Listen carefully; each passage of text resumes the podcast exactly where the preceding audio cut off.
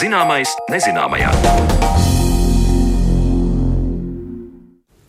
Esiet sveicināti raidījumā Zināmais nezināmajā. Turpmāko stundu ar jums kopā Mariona Baltkalne, raidījuma producente ir Paula Gulbīnska. Cilvēka smadzenes ir vienreizējs orgāns, un, lai gan par to šobrīd zinām jau gana daudz, tas joprojām ir abrīnas vērts, ne tikai savu funkciju dēļ, bet arī tāpēc, ka visu par smadzenēm mēs joprojām neesam sapratuši. Mēs arī visu nezinām par smadzeņu saslimšanām, kognitīviem traucējumiem un demencēm, kuru vidū bieži lietots apzīmējums Alzheimera slimība. Taču to, kas pētniekiem ir zināms, mēs šodien esam gatavi izstāstīt jums. Raidījuma otrajā daļā runāsim par aktuāliem pētījumiem Latvijā saistībā ar neirodeģeneratīvu saslimšanu agrīnu diagnostiku, kā to veids klīniski un ar specifiskiem testiem.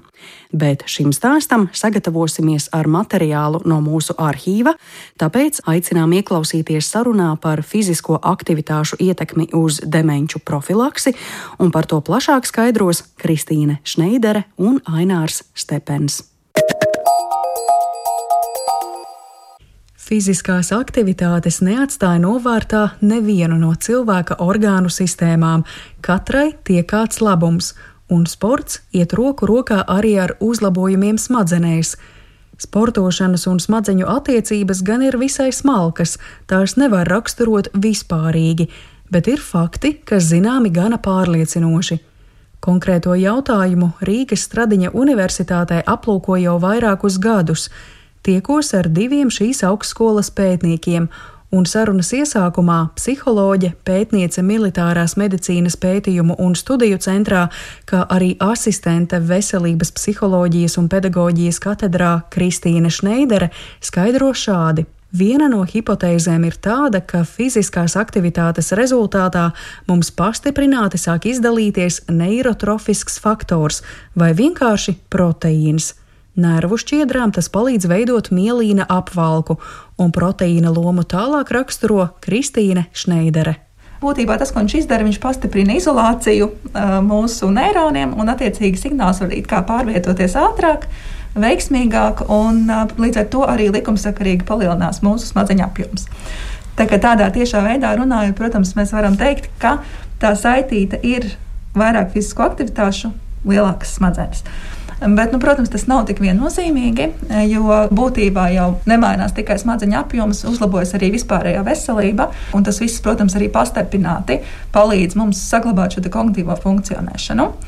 Ko man noteikti šajā vietā arī gribētos piebilst, tas ir tas, ka patiesībā tā zelta atslēga ir tāda kā kompleksa darbība, kur iet fiziskā aktivitāte, roku rokā ar intelektuālajām aktivitātēm, ar sociālajām aktivitātēm, ar mērķtiecīgiem treniņiem. Un tas ir tas veids, patiesībā, uz kuru šobrīd arī pasaule iet. Šeit es varbūt gribētu pievienot tādu kā metaforu nedaudz. Man ļoti patīk salīdzināt šo visu procesu ar tādu kā braukšanu ar pirmo formulu. Jo mums, protams, vajag, lai mums ir labas smadzenes, respektīvi, lai mums ir rīktīgi laba tā mašīna, ar kur mēs braucam. Lai tā būtu pēc jaunākajām tehnoloģijām, lai viņa būtu ātra, bet tas neko nepalīdz, ja braucējs ir neprasmīgs. Un te pieslēdzas tā intelektuālā aktivitāte, un te pieslēdzas tās sociālās spējas, ir tas, ko mēs arī dēvējam par kognitīviem rezervēm. Un patiesībā tas ir arī tas, ko rāda pētījumi. Tas, kas parādās, ir, ka tie sportisti, kuri regulāri cieš no šīm galvas traumām, teiksim, boxā vai uh, miksētajās cīņas mākslās, uh, viņu smadzeņu apjoms cieši vienādi. Bet tie, kam ir labāka izglītība, tiem, kas ir kognitīvi aktīvāki, viņi arī attiecīgi kognitīvi funkcionē veiksmīgāk. Tātad tā fiziskā aktivitāte viņai ir jāiet roku rokā ar mūsu šo kognitīvo aktivitāti, lai mēs iegūtu tādu ļoti pilnvērtīgu rezultātu. Tas, ko šobrīd mēs attīstoties pētniecībai jau redzam, ir, ka piemēram tie cilvēki, kas īsteno aktivitāti, kas prasa kognitīvo piepūli, teiksim, dejošana kas prasa atcerēties dejas soļus, vai kaut vai komandas sports, kas prasa izstrādāt stratēģijas ļoti konkrētas, šīs aktivitātes ir efektīvākas nekā, piemēram, vienkārši skriešana, kas neprasa šo kognitīvo iesaisti. Bet nu mūsu sarunā iesaistās asociētais profesors neiroloģijā, militārās medicīnas pētījumu un studiju centra vadītājs un 2019. gada demences aprūpes vadlīniju līdzautors Ainārs Stepens. Tā kā sports var sekmēt kognitīvās, jeb prāta funkcijas, jautāju, vai būtu izšķirami kādi konkrēti sporta veidi, par kuriem varam teikt, jā, tie mazina risku iegūt nopietnus smadzeņu darbības traucējumus jeb demenci. Nē, nebūtu pareizi teikt, ka ir kāds sporta veids, kurš ir slikts vai kāds ir ārkārtīgi labs. Bet mums jāpaturprātā, ka ir savi riski šie sporta veida iekšienē. Un pats galvenais no šiem ir atkārtotas galvas traumas. Un, protams, ka tie sporta veidi, kurā atkārtoti tiek traumēta galva, galvas smadzenes, noteikti no tādas kognitīvās veselības viedokļa nevarētu tikt uzskatīti tik labi vai tik labvēlīgi kā tie, kuros šī galva tiek audzēta.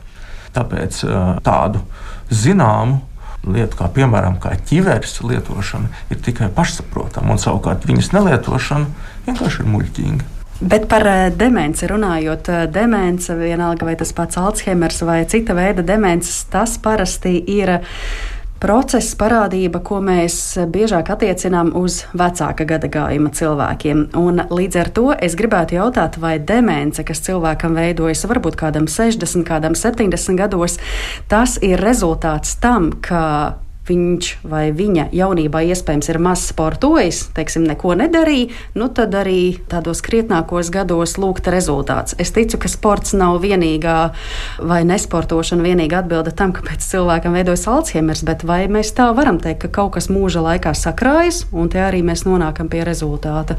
Man liekas, ka tas būtu pārspīlēti teikt, ka kāds, ja to dzīvē neizsportojas, ka tas ir vienīgais iemesls, ka tev 60 gados ir attīstījušies agrīni kognitīvi traucējumi. Parasti tādiem agrīniem kognitīviem traucējumiem tomēr iemesls ir meklējams vairāk ģenētisks, un ar uh, pašu sportu vai fizisko aktivitāti tik daudz mēs ietekmēt nevarētu. Bet viena lieta ir tāda, ka demence tomēr ir tāds sindroms, kas ir radies smadzeņu slimības rezultātā. Un tas ir jāpaturprātā, ka demence nevienā vecumā nav norma. Un līdz ar to pilnīgi visos vecumos, un jau sākot no bērna kājas, ir vērts darīt visu, lai mazinātu šo risku. Un, ja mēs runājam par šiem dzīves stila faktoriem, ir skaidrs, ka viņiem ir visai liela loma. Gan tiem, kas saistās ar fizisko aktivitāti, gan iespējams vēl lielāka ar to, kas saistās ar šo garīgo aktivitāti, ar dzīves, gan mācību, gan darba, gan šīs atbildības pieredzi.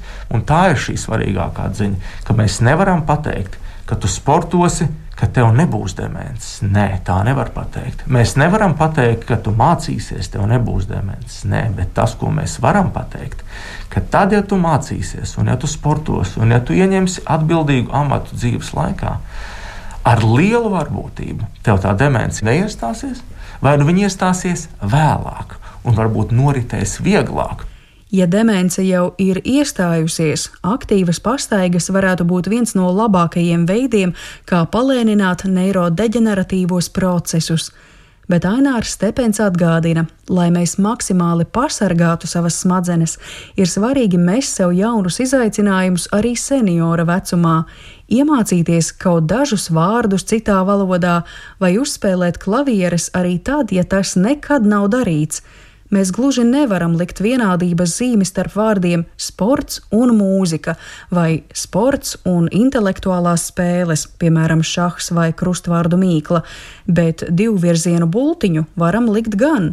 Kristīna Šneidere skaidro, ka fiziskais un kognitīvais ir kā vienas monētas divas puses, un mums ir vajadzīgas abas puses jāņem vērā arī tas, ka viena lieta ir mēs īstenojam to pašu intelektuālu aktivitāti, spēlējot šāhu, bet mēs to darām sētus.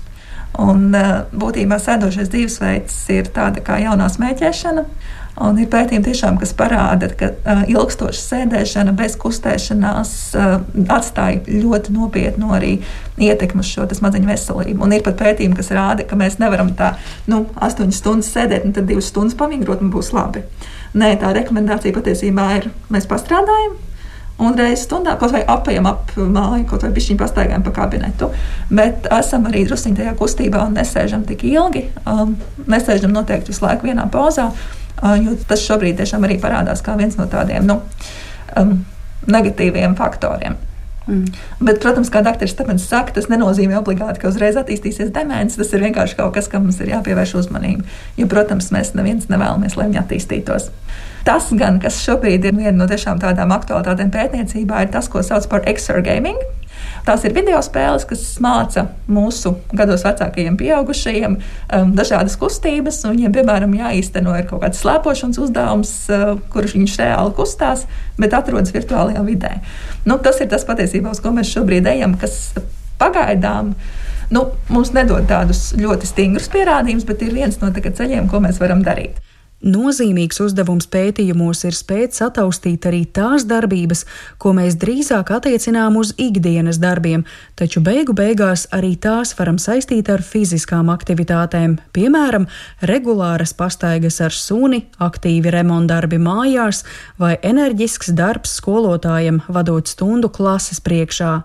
Tā tad nepietiek ar vienu jautājumu pētījumā iesaistītajiem, vai jūs esat fiziski aktīvs. Ir jāiegūst plašāka aina par cilvēka dzīves laikā veiktajām aktivitātēm.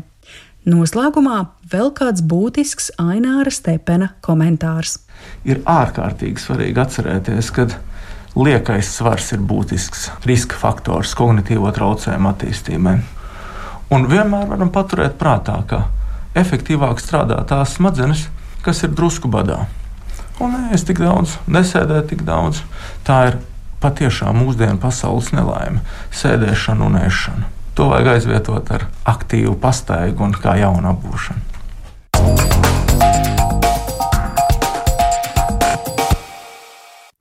Tik tālu par sporta un demenču miedarbību, par ko stāstīja Kristīna Šneidere un Ainārs Stepens. Jau 16. gadsimtā ārsts Teofrasts Paracels izteica vārdus: Nekas nav bez indes, visas lietas ir indīgas, tikai mērs ir tas, kas tās padara nekaitīgas. Tātad sportot, ēst, gulēt un visas citas lietas vajag darīt ar mēru, un tas ļaus cerēt, ka ar neirodeģeneratīvām saslimšanām mēs savā dzīvē nesastapsimies. Tomēr, ja tas notiek, svarīga ir agrīna diagnostika, un par šo tematu saruna raidījuma turpinājumā.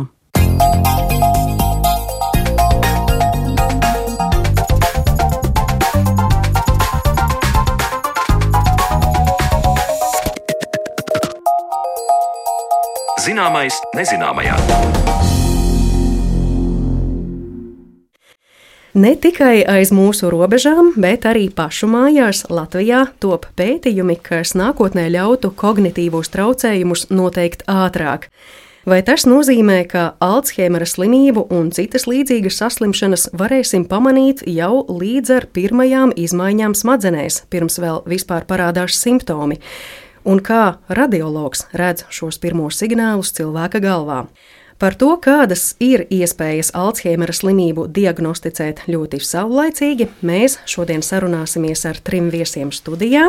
Un tie ir Rīgas Stradiņa Universitātes radioloģijas katedras vadītājs, profesors Ardis Platkājs. Labdien! Labdien!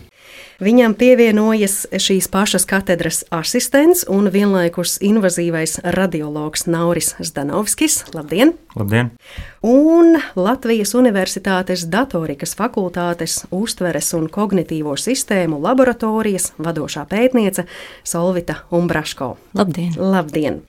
Nu, ko sāksim ar lieliem apsveikuma vārdiem, un te es vēršos pie Naura. Nauri, jūs tikko, tiešām tikko aizstāvējāt promocijas darbu par agrīnu neirodeģeneratīvu slimību diagnostiku, un mēs ar kolēģi Paulu runājām, ka mēs vēl, teiksim tā, jūs neatdzisušu pēc aizstāvēšanas esam aicinājuši uz sarunu, tā kā tiešām sirsnīgi apsveikumi. Lielas paldies! Un eh, ķeroties tālāk eh, pie jūsu promocijas darba un dziļāk paskatoties, par ko tad darbs ir bijis, tātad mērķis bija noteikt galvas smadziņu kvalitatīvu un kvantitatīvu radioloģisko biomarķieru izmaiņu saistību ar kognitīvo funkciju izmaiņām un demenci. Nu, tātad eh, to, kā radioloģiskie biomarķieri ietekmē saslimšanu ar dažādām demencēm un kā tas skar prāta spējas. Bet noskaidrosim tad terminoloģiju, kas galu galā ir radioloģiskie biomarķieri. Tās ir kādas molekulas. Principā radiologa darbs ir skatīties uz attēliem un izvērtēt nedaudz subjektīvi tos attēlus. Katram tā attēlu uztvere arī varētu būt nedaudz savādāka, bet mūsu uzdevums bija apstīties, kas tika darīts jau iepriekš, kā agrāk tika izvērtētas galvas smadzenes radioloģiskajos attēlos, tie būtu tie kvalitatīvie rādītāji kur subjektīvu vērtējumu mēģina kvantificēt, jeb izteikt kaut kādās pakāpēs. Tā būtu pirmā pētījuma daļa, un otrā pētījuma daļa ir tā, kur mēs mēģinām objektivizēt to, kas ir redzams magnētiskās rezonanses attēlos, un e, tur nāk palīdzīgā programmatūra. Un e, programmatūra spēja jau noteikt, kāds ir galvas smadzeņu tilpums. Tas būtu vienkāršākais biomarķieris, bet e, galvas smadzeņu tilpumam nav absolūta nozīme kognitīvai funkcijai ir noteiktas smadzeņu daļas, kurām ir lielāka nozīme, un ir smadzeņu daļas, kurām ir mazāka nozīme. Un tad eh, tas uzdevums bija skatīties šīs sīkās struktūras. Visi ir dzirdējuši par balto un pelēko vielu. Ja? Tad pelēkā viela ir tā pati garoza smadzenēs, pati jaunākā smadzeņu daļa, un garozai ir arī biezums. Katrā vietā ir konkrēts biezums, no līdz katram ir nedaudz savādāks, arī ir individuālās atšķirības. Un tad mēs gribējām apstīties to, kāds ir šis garozas biezums, kāds ir tilpums dažādās smadzeņu struktūrās, cilvēkiem, kuriem nav kognitīvo traucējumu, cilvēkiem, kuriem pēc kognitīviem testiem ir viegli kognitīvi traucējumi, un cilvēkiem, kuriem tad ir smagi kognitīvi traucējumi. Tad sanāk, ka biomarķieri tas nebūtu nenozīmē tikai proteīnus vai kādas ķīmiskas molekulas. Tie ir arī tādi, kā jūs teicāt, tilpuma rādītāji par smadzenēm. Jā, tieši tā. Principā, jebkurš kvantitīvs rādītājs, kurš raksturo kaut ko cilvēka organismā, var tikt saukts par biomarķieriem. Cilvēki, kas ikdienā nesaskarās varbūt ar medicīnu vai attēliem vai tā, uzreiz, kad pasaka biomarķieris, liekas, ka tas ir asins analīzēs. Bet īstenībā ne biomarķiera pati definīcija ietver arī šos mērījumus, ko mēs veicām galvas smadzenēs. Minējāt, mēs eh, salīdzinājām, kā agrāk tika veikti šie attēli, smadzeņu skenēšanas attēli, un kā tagad. Tad jūs salīdzinājāt arī, kā tehnoloģijas iespējams ir mainījušās un gājušas uz priekšu promocijas darba uzdevums nebija tieši salīdzināt, bet bija uzdevums parādīt, ka ne tikai subjektīvam novērtējumam ir nozīme, bet arī ir iespējams vienoties par kaut ko. Principā tas skaitās subjektīvu skatījumu, mēs pārvēršam kaut kādā ciparā. Un tad mēģinam paskaidrot, pie kāda subjektīva skatījuma tev ir jānorāda, ka ir pirmās pakāpes atrofija, otrās pakāpes atrofija un trešās pakāpes atrofija. Un to jau mēģina no 90. gadiem, un tad ir nu, tomēr pēdējo 5-10 gadu laikā pētnieki ir nonākuši pie tāda kopsaucēja.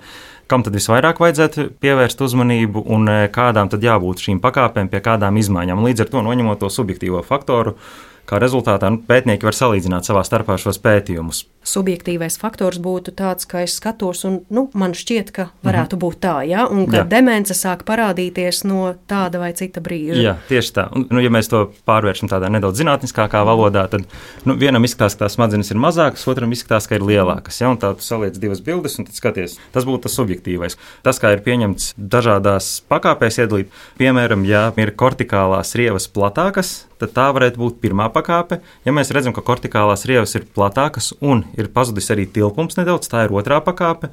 Un, ja mēs redzam, ka ir gan eh, kortikālās rievas platākas, tilpums ir zudis, un zudis ir tik ļoti, ka to pilnīgi viss redz, nu tā ir trešā pakāpe. Tas būtu tā vienkāršot, izsakoties par tām eh, skalām, ko mēs izmantojām. Mm. Bet izmantojam vairākas skalas, kuras eh, nu, izmanto pētnieki visā pasaulē. Kortikālās rievas, tās ir garozas rievas. Jā, tieši tā.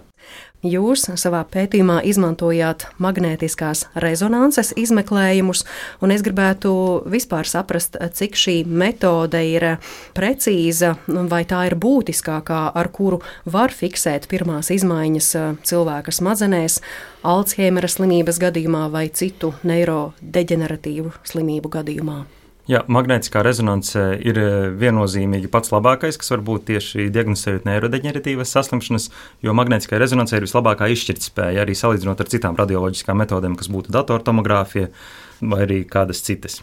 Un eh, tieši šī izšķirtspēja ir uzlabojusies gadu laikā, un, eh, ja salīdzinām pirms 30 gadiem, tad šī pieejamība labas izšķirtspējas magnētiskās rezonances attēliem nebija tik laba, kā tā ir šobrīd. Tas arī ir viens no nosacījumiem, lai varētu veikt šos kvantitīvos mērījumus. Jo, nu, ja mēs paskatāmies, un ja bilde ir izplūdusi, mums ir grūti noteikt, kur ir pelēkā viela un kur ir baltā viela. Ja šī bilde ir asāka, tad to ir vieglāk izdarīt gan cilvēkam, gan arī programmatūrai, kas to analizē. Mhm. Kādus cilvēkus jūs iesaistījāt pētījumā? Tie bija pacienti, kuri vērsušies pie neiroloģa. Neiroloģis attiecīgi izvērtēja šo pacientu, un e, neiroloģis bija tas, kurš izvērtēja, kuriem tad vajadzētu šo magnētiskās rezonanses izmeklējumu un kuriem tad nevajadzētu. Vēršoties arī pie mūsu pārējiem sarunas viesiem, varbūt arī jums kāds komentārs par to, kā tad mēs vispār šīs izmaiņas smadzeņu skenēšanas attēlos novērojam Alzheimera slimības gadījumā un arī citu neirodeģeneratīvo saslimšanu gadījumā, jo mēs parasti, kad runājam par vārdu demence, mēs kā pirmo piesaucam Alzheimera slimību, bet vēl jau ir levī ķermenīšu demence, ir vaskulāra demence, ir frontāla frontotemporāla demence, tad vēl ir arī Parkinsona slimība. Nu, ja mēs tā paraudzītos, kā visi šie skanētie attēli pacientam izskatās Alzheimera slimības gadījumā, nu un vēl kādas citas demences un Parkinsona slimības gadījumā, kādas mēs atšķirības novērotu. Nu, būtu atšķirības, un tās ir zināmas radiologiem. Ir atsevišķi radioloģiski simptomi dažādu demenšu noteikšanā, bet mūsu uzdevums arī pētījumā un nav uzdevums bija agrīnai diagnostikai. Tā kā vēl šīs izmaiņas ir tik minimālas, ko īstenībā subjektīvi ar aci grūti pamanīt, bet ko pamana datorikas tehnoloģijas. Jo radioloģija ļoti strauji attīstās, tā skaitā magnētiskā rezonanse, kā Nauris minēja, ļoti labas augstas izšķiršanas spējas attēlu, bet cilvēka acis var izšķirt līdz zināmai robežai, teiksim, tā informācija no attēla. Un tālāk nāk jau palīdzīgā datorizēta pieeja, mākslīgais intelekts, kas palīdz mums redzēt to, ko mēs ar aci neredzam. Un tas arī ir pamatā šai magnētisko rezonanses attēlu analīzei, tāpēc mēs runājam par agrīnu. Bet uh, ne tikai magnētiskā rezonanses agrīni var pateikt jau pirmās kognitīvās izmaiņas, bet arī var pateikt dažādi fizioloģiski pētījumi. Tāpēc Solvit mums ir grupā, un viņas grupa ir mūsu komandā, kas veids dažādas citas izmeklējumus, kas agrīni var pateikt jau sākumā dažādas demences. Jā, Savu. patiesībā tad, tad um, uztvers un kognitīvo sistēmu laboratorijas pētnieku grupa projektā, kas kopā mēs īstenojam Rīgas uh, Stradiņu universitātes kolēģiem, radiologiem un arī neirologiem, un tad mūsu uzdevums ir veikt šos pamatā vizuāli telpiskos mērījumus un dažādos līmeņos. Tad, tad eh, droši vien visiem zināmāk ir tādi testi, vizuāla telpiskās eh, novērtēšanas testi, kā piemēram figūru rotācija un tam līdzīgi, bet ne tikai tādi vizuāli telpiskie, arī verbālo spēju pārbaudē, un kas arī ļoti svarīgi, ka mēs veicam arī acu kustību mērījumus. Un šis ir tāds cits līmenis, kur eh, patiesībā cilvēks apstrādā vizuālu informāciju, bet tādā, var teikt, nosacīti neapzinātā līmenī, bet tas ir tāds spēcīgs rādītājs arī agrīnu šo neirodeģeneratīvu saslimšanu gadījumā, un to jau rādījuši pētījumi, ka šīs acu kustības jau arī liecina par kaut kādām izmaiņām, un ar to mēs arī mēģināsim noteikt projekta laikā, kad mums būs šie mūsu laboratorijas mērījumi, piemēram, ar acu kustībām, ar tādiem psiholoģiskiem testiem, un kopā jau tad skatīsim arī ar radioloģiskiem mērījumiem, ka tā bilde būs tāda ļoti pilnīga. Tad, tad gan no smadzeņu skanēšanas aspekta, gan arī šiem testiem un acu kustību pieraksta ierīcēm, ka tur mēs arī ļoti ceram saskatīt šos eh, korelātus, kad iespējams mēs arī tādā mazāk dārgā veidā varētu agrīni arī ar noteiktām metodēm jau pārbaudīt un varbūt identificēt šīs agrīnās pazīmes. Saprotu, ka pētījums aicina piedalīties cilvēkus vecumā no 40 līdz 60 gadiem. Informāciju var atrast Rīgas Universitātes mājaslapā. Neiroloģi var pazvanīt viņiem, ja pacienti ir aizdomām par agrīnu kognitīviem traucējumiem, agrīnu dementīviem traucējumiem, var pazvanīt, pieteikties. Un tad, izējot šo ciklu, mēs jau veiksim agrīnu diagnostiku, nu, teiksim, kādas ir izmaiņas galvas smadzenēs. Nu, tad neiroloģi un klīnisks lems, kas tālāk pacientu darāms. Katrā ziņā tas unikāls pētījums Latvijā. Tādu grupas pētījums vēl nav bijis, kad divas augstskolas ar daudz speciālistu iesaistīti. Katrā ziņā es domāju, ka rezultāti neapstāsies ar šī pētījuma beigām, ka tas ir pētījums, kas ir vērsts uz nākotni, jo daudz kas attīstās.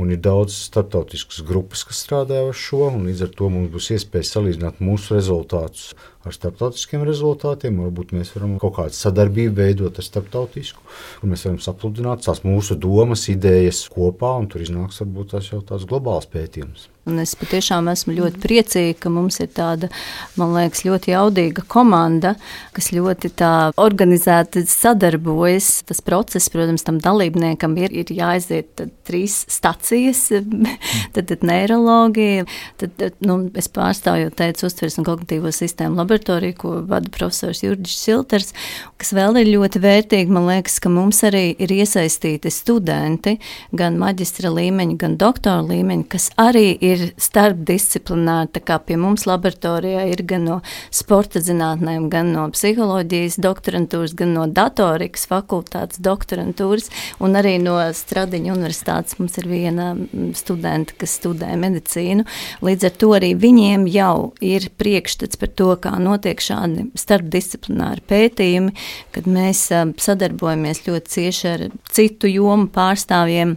Pie mums laboratorijā tiek veikti jau minēti minētie vizuāli telpiskie testi, verbālās uztveres testi un acu kustību mērījumi. Tas arī tāds komplekss, ko mēs veicam Latvijas Universitātē laboratorijā, un pēc tam viņi dodas uz magnētiskās rezonanses mērījumiem. Tad tā, tā sistēma mums jau diezgan labi funkcionē. Jāatcerās, ka viens cilvēks profesionāls neko neizdarīs vispār neirodeģeneratīvo slimību diagnostikā. Vienmēr tā ir komanda, kur vismaz jābūt trim. Jāredz bildes, kas tādā galvā ir, kas lācītiem vēdā, jāsaka. Tad jāsaprot, eh, kā tieši, un eh, varbūt arī ne tikai tādus vispārīgus testus veikt, bet eh, ļoti sīkus, kā Solta jau teica, tādiem ļoti sīki detalizēti testi tādiem jābūt. Un tad trešais ir tas klīniskais novērtējums, kur klīnicists, kurš regulāri redz pacientus, kurš dod savu novērtējumu. Un tad, kad viss šis trīs savienojas, tad mēs nonākam pie skaista rezultāta. Mm -hmm. Bet vēlreiz atgriežoties Nauri pie tā, kas lācītim vēderā un tieši pie jūsu metodes, mēs jau runājām par balto un pelēko vielu. Tātad galvas smadzeņu baltā viela ir atbildīga par nervu impulsu pārvadi kā tad šī baltā viela izskatās tam Alzheimera pacientam un kā, teiksim, mākslīgais intelekts vai vispār šīs iekārtas tad ne subjektīvi, bet jau objektīvi ziņo, ka kaut kas nav kārtībā. Tur ir kaut kāda skala, ka lūk, normāli cilvēkam baltajai vielai ir jābūt tādai. Šis biezums jau norāda uz noslieci ne tajā virzienā. Baltās vielas mērījumiem, diemžēl, nav skalas tādas precīzas. Ir skalas, kuras ir ārpus mūsu pētījuma, drīzāk, kur var redzēt, ka ir bojājums. Tās ir tā saucamās baltās vielas hiperintensitātes, kuras varētu būt, piemēram, ja ir sirds asins saslimšanas.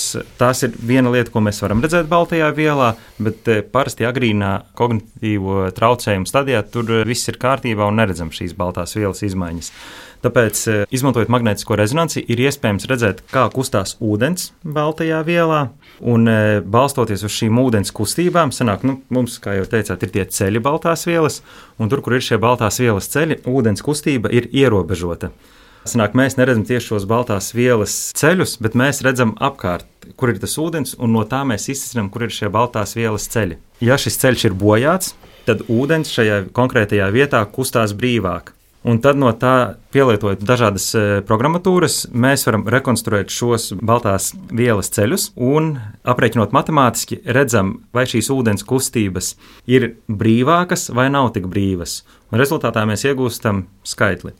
Šo skaitli mēs salīdzinām ar vecuma normu un e, dzimuma normu. Un tad, attiecīgi, varam izdarīt secinājumu, vai šī konkrētajā ceļā, ko mēs skatāmies, vai ir šī ūdens kustība brīvāka vai nav, un no tā izdarām secinājumus, vai varētu būt bojājums vai nē, ko principā vienkārši skatoties uz standarta magnētiskās rezonanses izmeklējuma attēliem, to neredzētu. Mm. Ļoti interesanti stāsts ir patiesībā par cita parametra mērījumiem, nevis par pašas baltās vielas. Jā, ko pēc tam teiksim, tā, šos parametrus mēs interpretējam un varam rekonstruēt tieši šo pašu balto vielu. Bieži vien pacienti ierodas ar uh, sūdzībām, kad magnētiskajā rezonansē vairs neredz agrīnas, bet jau ielaistas uh, slimības izpausmes. Kā jūs kopumā raksturotu, kas tad izpaužas uh, demenču, nu šajā gadījumā, piemēram, Alzheimera pacientiem? Īstenībā tās agrīnās izpausmes ir ļoti grūti pamanāmas. Bieži vien jau pacients pats to nepamanā, pamanā apkārtējie cilvēki, ka pacients kļūst aizmaršīgs, pacientam ir varbūt arī kādi kustību traucējumi, pacientam parādās tādas izpausmes veids, verbālās izpausmes veidi, kas kādreiz nav bijuši. Tāpat tās aizķeršanās valodas. Uzskatu par īslaicīgiem pāriešām grūtībām, bet īstenībā tie ir sākuma simptomi. Un tajās pirmās magnētiskās rezonanses skenos mēs varam arī neko arī neredzēt.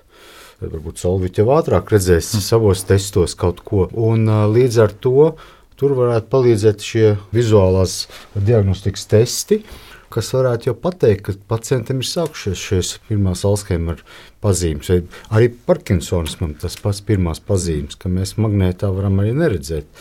Līdz ar to te ir tā kompleksā diagnostika agrīnā, jo patreiz pasaulē jau sāk parādīties pirmie medikamenti, kas varētu arī tomēr bremzēt šīs slimības attīstību. Protams, viņi vēl ir izstrādes stadijā, un kad viņi parādīsies plašāk tirgu, nezinu.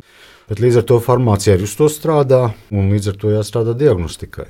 Jā, 2022. gadā mēs diezgan daudz dzirdējām mm. par lekanemabu, tā saucās šis medikaments. Pirmais bija adacenumabs, kurš bija neviennozīmīgs zinātniskajās aprindās un starp klīnisistiem. Lekanamabam bija labāki rezultāti, un Eiropas reģistrācija ir sagaidāma nākamajā gadā. Tā vismaz tiek projicēts. Amerikā ir jau apstiprināts. Mhm. Tie medikamenti, ja es nekļūdos, viņi ir tieši pret patoloģisko proteīnu, kas uzkrājas galvas smadzenēs, un viņi samazina šī patoloģiskā proteīna daudzumu. Kad es sāku savu pētījumu, tad nebija neviens apstiprināts medikaments. Arī, ja atskatāmies pirms astoņiem gadiem, kad bija mana pirmā saskare ar eh, kognitīvo traucējumu diagnostiku, un kad mērīju hipokampa tilpumu, kas ir viena no galvas galvas smadzeņu struktūrām. Tad arī pa laikam atskanēja tāda kritika, nu, ko tu tur mērīt. Medikamentu nav un nebūs, un nav to jēga darīt. Bet eh, jau tad bija skaidrs, ka tie medikamenti būs, un kad es sāku doktorantūru, nebija šo medikamentu. Un doktorantūras beigās jau ir eh, divi medikamenti, kas ir apstiprināti ASV, un tagad ar eh, visām tehnoloģiskajām attīstībām, mākslīgā intelekta attīstībām, es domāju, ka nākamo piecu gadu laikā mums būs vēl diezgan ievērojams lēciens. Un ir tāds citāts, ka šīs dienas mediķim ir jābūt gatavam rītdienas pacientam. Un, e, tāpēc mums jau šodien ir jāveido tā infrastruktūra un jābūt gatavam tam, kas nāks mums pēc pieciem gadiem. Mm -hmm. Tas par medikamentiem, bet e, jā, Solvita, kā šie testi, acu kustības un varbūt vēl kādi citi palīdzētu uzrādīt jau kādas Alzheimera slimības izpausmes, simptomus. Jā, tad jau esošie pētījumi rāda attiecībā uz acu kustību mērījumiem, ka tādā šķietami vienkāršā uzdevumā, kad cilvēkam jāaplūko kāds attēls datorekrānā, un nekas cits viņam nav jādara, nav jāatbild ne uz kādiem jautājumiem, nav jādomā īpaši. Tieši šis process, kā cilvēks aplūko to attēlu, jau atšķiras cilvēkiem, kuriem ir neirodeģeneratīvās saslimšanas un tiem, kuriem nav. Un tieši tas veids, kā viņi aplūko, tipiski ir tas, ka cilvēkiem, kuriem ir šīs neirodeģeneratīvās saslimšanas, viņiem tas lauks, aplūkošanas ļoti šauras, un pētījumi arī rāda, ka vislabākie šie uzdevumi ir ar tieši ar tādām ļoti vienkāršām geometriskām figūrām, nevis, piemēram, aplūkot kādu ainavu. Tur tās atšķirības ir grūtāk saskatīt. Vislabāk tās izpaužas tādām uz vienkāršiem stimuliem, un tas ir jau šīs metodas priekšrocība, ka to var ļoti ātri veikt. Cilvēkam nekas nav jādara, tikai jāskatās ekrānā, un šīs acu kustības jau jau parāda to, kādā veidā cilvēki aplūko noteiktus attēlus. Protams, tie stimuli tiek veidoti pēc noteiktiem kritērijiem, ļoti skaidriem, bet šī uzdevuma tāda nosacīta vienkāršība ļauj ātri šo informāciju dabūt un identificēt. Un, protams, kā jau kolēģi runāja, mums attīstās arī ierīces, un mūsu laboratorija arī nu pat šodien mēs saņēmām ļoti jaudīgu acu kustību ierīci, ko mums paldies sponsorē finansēja SIEM mikrotīklus ar Latvijas Universitātes fonda atbalstu, un tas ļaus mums vēl precīzāk noteikt, jo nu, tas ir tāds daudz jaudīgāks rīks nekā mums pašreiz ir. Līdz ar to mēs varēsim šos pētījumus turpināt. Un, protams, arī šajos um, nu, tādos tipiskākos testos, kas ir ierasts mentālās rotācijas vai verbālajos testos, patiesībā jau ir redzams, ka tiem cilvēkiem ir daudz grūtāk, daudz lēnāk, viņi grūtāk saprot instrukcijas, viņiem ir ilgāks reakcijas laiks un lielāks kļūdu īpatsvars. Tās būtu tās uh, agrīnās pazīmes, ja mēs runājam par to tālo beigu posmu, Mums šādus gadījumus dažkārt rāda arī ļoti spēcīgas mākslas filmas.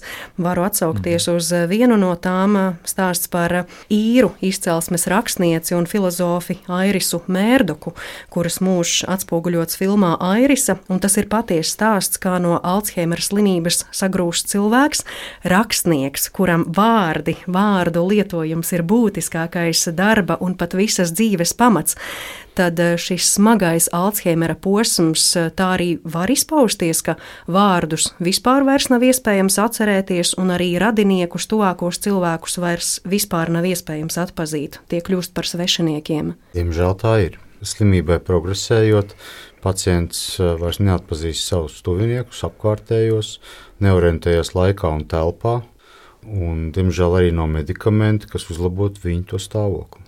Un pie smagiem gadījumiem pacients ir pilnīgi atslēgts no ārējas pasaules. Viņš dzīvo savā pasaulē. Es atceros, ka šajā filmā arī izskanēja tāda frāze. Nu, kā var pazust tie vārdi, kur šie vārdi pazūd rakstniekam, ja to mēs sasaistām tagad ar medicīnisku skaidrojumu? Tas nav arī būtu tas stāsts par tiem biomarķieriem, ko jūs minējāt, tātad tilpuma izmaiņas, tās kortikālās rievas. To es varētu paskaidrot, kā piemēru minot vienu no analoģijām. Ja mēs skatāmies uz eh, galvas smadzenēm, tad vairāk vai mazāk šīs funkcijas ir sadalītas. Katra galvas smadzeņu daļa atbild par savu funkciju, un lai mēs spētu staigāt, runāt, uztvert, eh, redzēt, ir nozīmīgi, lai visas galvas smadzenes strādātu kā nu, viens kopīgs teiksim, tā, organisms. Un e, kortikālā daļa, to mēs varētu definēt kā tādi gala punkti šiem signāliem, un tad ir šie vairākie ceļi, kas savienojas savā starpā, un, teiksim, lai mēs veiktu kaut kādu funkciju, signālam jāaiziet no punkta A, kas varētu būt pieres daivā, līdz punktam B, kas ir pakauša daivā, un tad vēl, lai to visu apstrādātu, jāaiziet vēl uz deniņu daivu, un tad ir tāds nu, nepārtraukts tā kā, signālu ceļš, un ja vienā brīdī šie signāli pārtrūkst, attiecīgi nav šo ceļu, agrīnajās stadijās ir tā, ka šie signāli meklē šos ceļus pa apveceļiem.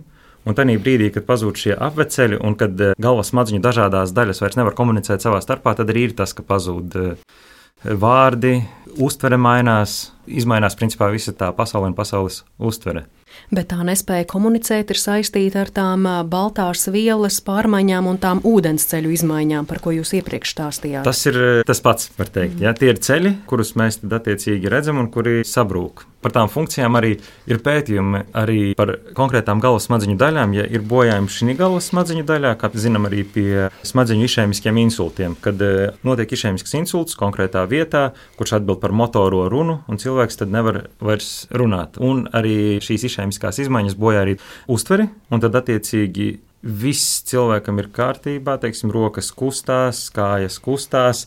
Vienīgi cilvēks neko nesaprot, ko viņam saka, un nesaprot, ko runā. Bet tas ir išēmiski izmaiņu gadījumā. Bet līdzīgi ir arī ar eh, šīm neirodeģeneratīvām saslimšanām, kur pakāpeniski bojājas galvas smadzenes un eh, tad eh, zūd šī funkcija. Ir tāds mīts, es nezinu, cik populārs tas ir populācijā, bet ir, ka cilvēki izmanto tikai 10% savu smadzeņu. Un tas ir mīts, jo mēs nevaram vienlaicīgi izmantot 100% savu smadzeņu, tāpat kā mēs nevaram vienlaicīgi saspringzināt uz 100% bicepsu un tricepsu. Ja, tad sanāk divgalvaino muskuli un trīsgalvaino muskuli. Un eh, tādā ziņā, ka smadzenes vienā konkrētā brīdī darbojas viena daļa, tad aiziet nākamā daļa un trešā daļa.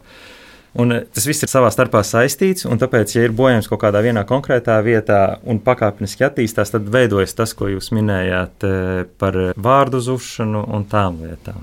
Mm -hmm, skaidrs. Jā, Nauris pirmīt minēja rītdienas pacientu, kam mums ir jābūt gatavam gataviem, un es pie jums tagad vēlētos vērsties um, ar jautājumu par nākotnes laboratorijām. Pareizāk sakot, es vēlētos atsaukties uz kādu citu sarunu mūsu raidījumā. Šī gada pavasarī mēs tikāmies ar Viljamu Morisu no ASV un sarunājāmies par nākotnes laboratorijām un to, kā biomarķieri ļautu daudz labāk un daudz laicīgāk diagnosticēt saslimšanas. Un divas būtiskākās saslimšanas, kuras mums tuvāko desmit gadu laikā daudz labāk ļautu izprast tieši biomarķieri, pēc Morisa domām ir vēzis un neiro deģeneratīvās saslimšanas. Vienlaikus viņš arī norādīja, ka mums vispār ir jāmaina priekšstats, kā mēs raugāmies uz vēzi un neirodeģeneratīvām saslimšanām. Proti, viņš norādīja, ka vēzis vai, piemēram, Alzheimera slimība, ka tā nav viena slimība, bet daudzas slimības kopā. Es šo jautājumu vasarā uzdevu vēža pētniekiem, un tagad es gribētu to uzdot arī jums. Vai jūs piekrītat šādam apgalvojumam, ka, piemēram, Alzheimera slimība tas ir slimību kopums, un tas būtu jāņem vērā arī diagnostikā un ārstēšanā?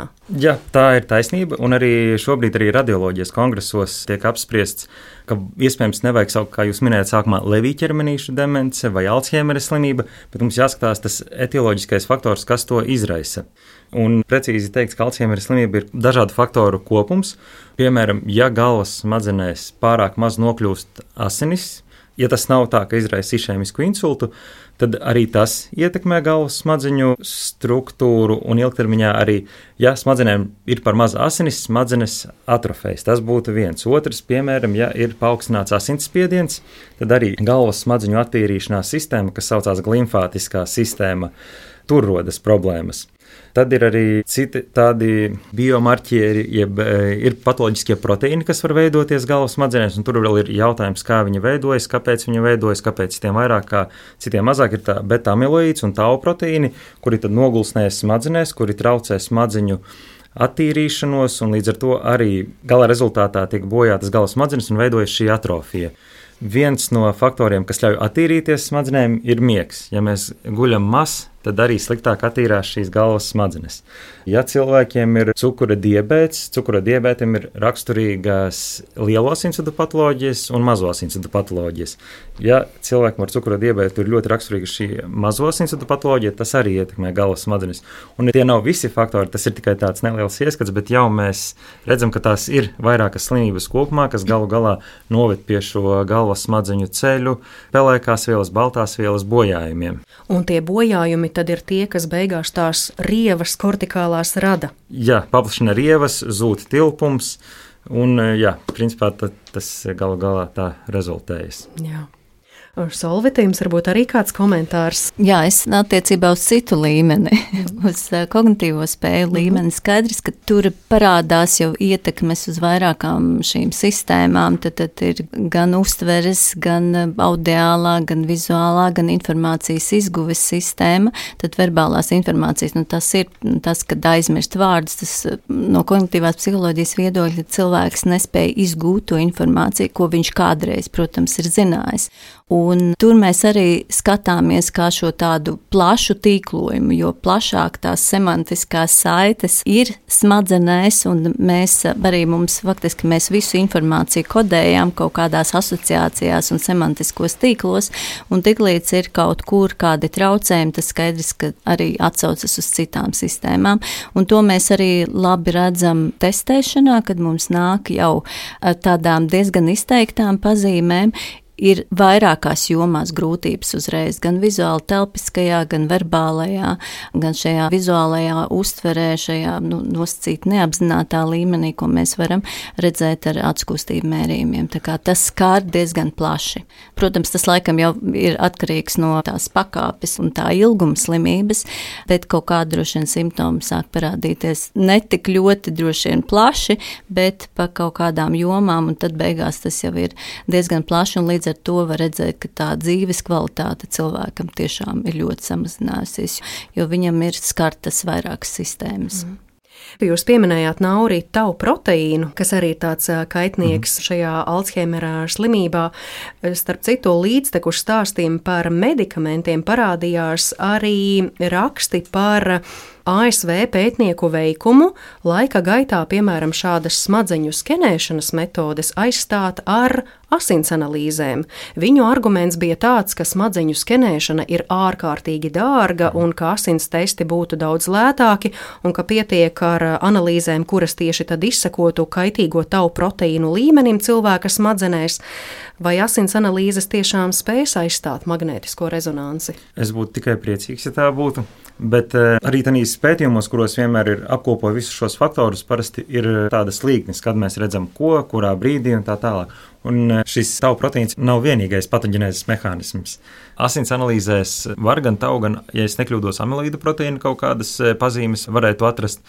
Tas neaizstātu pilnībā magnētiskās rezonanses izmeklējumu, bet uh, tas būtu kā viens no biomarķieriem, kuru tad varētu likt kopējā vienādojumā un mēģināt uh, tad, uh, analizēt. Un tad varbūt tā ideālā kombinācija būtu asins analīzes plus magnētiskā rezonance plus tie testi, par kuriem mums Solvita šodien ir stāstījusi. Mm. Kā jūs raksturotu, vai cilvēkiem, kuriem, piemēram, ģimenē ir Alzheimera pacienti, vai viņiem pašiem arī, nu, piemēram, cilvēkiem vecumā 20, plus, 30, plus, ja viņu vecākiem parādās Alzheimera pazīmes, vai viņiem pašiem arī vajadzētu pārbaudīties, veikt agrīnu diagnostiku? Protams, ka tiem, kuriem, teiksim tā, vecvecāki vai vecāki ir ar šīm slimībām, demencēm, ka viņiem ir lielāks risks, jo tomēr ģenētiskam faktoram arī ir nozīme šo slimību attīstībā. Bet tas vēl nav nekāds spriedums, ka dzīvesveids ļoti daudz ko nosaka un apstākļi, kādās tas smadzenes atrodas, korelēt asinsspiedienu, veselīgi gulēt. It kā liekas, ka ārsts to visu laiku saka par daudzām lietām, bet īstenībā tas tā strādā. Jā. Tas ir izpētīts un pierādīts. Un līdz ar to tam arī vajadzētu sakot cilvēkiem līdzi. Ja?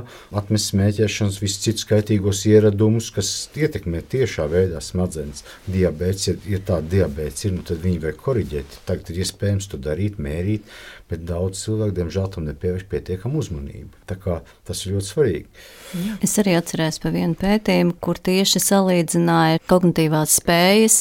Tad, tad grupa, kuriem nav vēsturē bijis nekādi šādi Alzheimer gadījumi ģimenes vēsturē, nu tāda samērā jaunā vecumā, un grupa, kuriem bija tādas pirmās pakāpes radinieki ar Alzheimer slimību, un tad tur tas interesantais atklājums bija, tad, ka tie, kuriem bija tā slimības vēsture ģimenē, viņi uzrādīja augstāku sniegumu. Un tad drīzāk jau spekulatīvs skaidrojums varētu būt, ka viņi zina šīs slimības esamību un varbūt vairāk piedomā pie šī dzīvesveida, gan kognitīvās slodzes, kas ir ļoti svarīgi. Tad mm. piepūlēties, domāt, mācīties jaunas lietas. Tas tiešām ir ļoti būtiski un to tiešām apstiprina pētījumi, ka tas nu, spēj nu, novērst droši vien nē, bet nu, vismaz uz šo brīdi paildzināt to ilgāk optimālo dzīves kvalitāti. Ja kāds ģenētiķis klausās, varbūt iespējams nepiemin to pašu slavenāko gēnu, ir tāds ApoE4 gēns, ko ģenētiski var noteikt, kur, ja ir šī viena gēna kopija, tad eh, risks palielinās par 5%, ja ir divas, tad ir 20% paaugstināts risks Alzheimer slimības attīstībā. Un līdz ar to, ja ir ģimenē kognitīvie traucējumi, viennozīmīgi, es domāju, ka vajadzētu iet pie neiroloģa izrunāt to visu, un tad neiroloģis arī būtu nu, klīnisks, būtu tas, kurš noteikti vajag kaut ko papildus skatīties, vai nevajag ne par ko uztraukties. Un eh, jā, viennozīmīgi, ka ja esam noguruši, tas arī ietekmē kognitīvo funkciju. Dažreiz vienkārši, ja nedomājas, ir jau teiciens, rīts gudrāks par vakaru. Ja, tad tas varētu būt viens no iemesliem, ka mēs aizmiegam. Ir šī limfātiskā sistēma, kas attīra mūsu smadzenes. Smadzenes attīrās, mums ir vairāk enerģijas, un līdz ar to jā, domājas labāk varbūt nākamajā rītā. Godīgi sakot, kad es palasu grāmatas un paklausos video, kur tiek stāstīts, ko ar cilvēka organismu izdara miega bats un negulēšana, mhm. man uh, mati ceļas stāvus. Jā, tikai no tā ir arī tiešām jāmācās, nevis tikai jāklausās un mhm. Tuvojoties mūsu sarunas noslēgumam, Nauri, kādi ir jūsu promocijas darba būtiskākie secinājumi? Ko no tā paņemat līdzi un liksiet tālāk lietā klīniskajā darbā, vai, piemēram, apvienojoties tālākos pētījumos ar Solvitu? Es šeit varētu atsaukties uz jūsu iepriekš minēto komentāru par nākotnes laboratoriju, jo arī tas, ko mēs redzējām mūsu pētījuma gaitā, mēs skatījāmies cilvēkus pa grupām un globāli. Bet neskatoties uz to, ka mēs skatījāmies individuālās atšķirības, ik pa laikam bija kāds izlaicējs, tā angļuiski tas sauc outliers. Viss pārējais ir kārtībā, bet kognitīvo funkciju traucējumi ir. Un tad, eh, ja mēs skatāmies individuālā līmenī, mēs redzam, ka jā, šī vienā konkrētā vietā ir izteikts tilpuma samazinājums salīdzinājumā ar visu pārējo. Bet tā kā mēs skatāmies grupās, nevis individuāli, šīs izmaiņas arī pazūd, kas arī ir nu, viena no pētniecības metožu trūkumiem, veidojot to dizainu, kāds mums bija. Tad runājot par to nākotnes laboratoriju, mēs ejam uz individualizēto medicīnu. Kad sākās doktorantūra, tad nebija klīniski un tehniski validētas programmatūras. Šobrīd jau ir attiecīgi, ko tas nozīmē, ka mēs varam šo programmatūru izmantot pacientu ārstēšanā. Un nākamie soļi ir skatīties un mēģināt iet uz jūsu minēto nākotnes laboratoriju un uz individuālo un precīzies medicīnu. Tieši šo vārdu salikumu es gaidīju. Tas ir tas eh, nākotnes sauklis, ja? nākotnes medicīna, kurā mēs liekam kopā ģenētiku, vides faktorus, dzīvesveidu, kognitīvos testus arī. Ja. Nepārvelti šīs sarunas ievadā es minēju, ka ne tikai aiz mūsu robežām, bet arī pašu mājās to pētījumi par kognitīvajiem traucējumiem un demencēm. Viens stāsts ir noslēdzies, tas ir Naura promocijas darbs, bet jebkurš punkts, man patīk teikt, parasti ir komats lielākā stāstā, tad es arī novēlu, lai šis tiešām ir komats tādā vērienīgā pētniecībā Latvijas mērogā un droši vien pēc gada, diviem vai vairākiem, kad jūs atkal būsiet nonākuši pie jauniem secinājumiem, mums atkal būtu vērtīgi parunāt, kā tas virzās uz priekšu.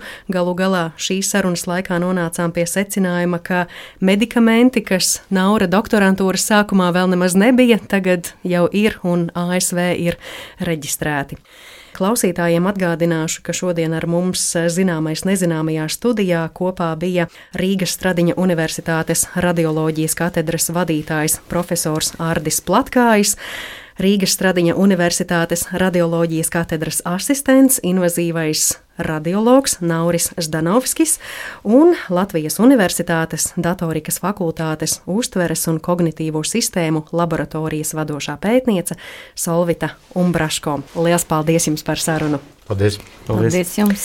Un ar to mūsu raidījums šodien izskan. Par to gādāja Paula Gulbīnska, Nora Mītspapa, Girts Bišs un pie mikrofona bija Mariona Baltkalne. Paldies par klausīšanos un uz sadzirdēšanos citu reizi! Visu labu!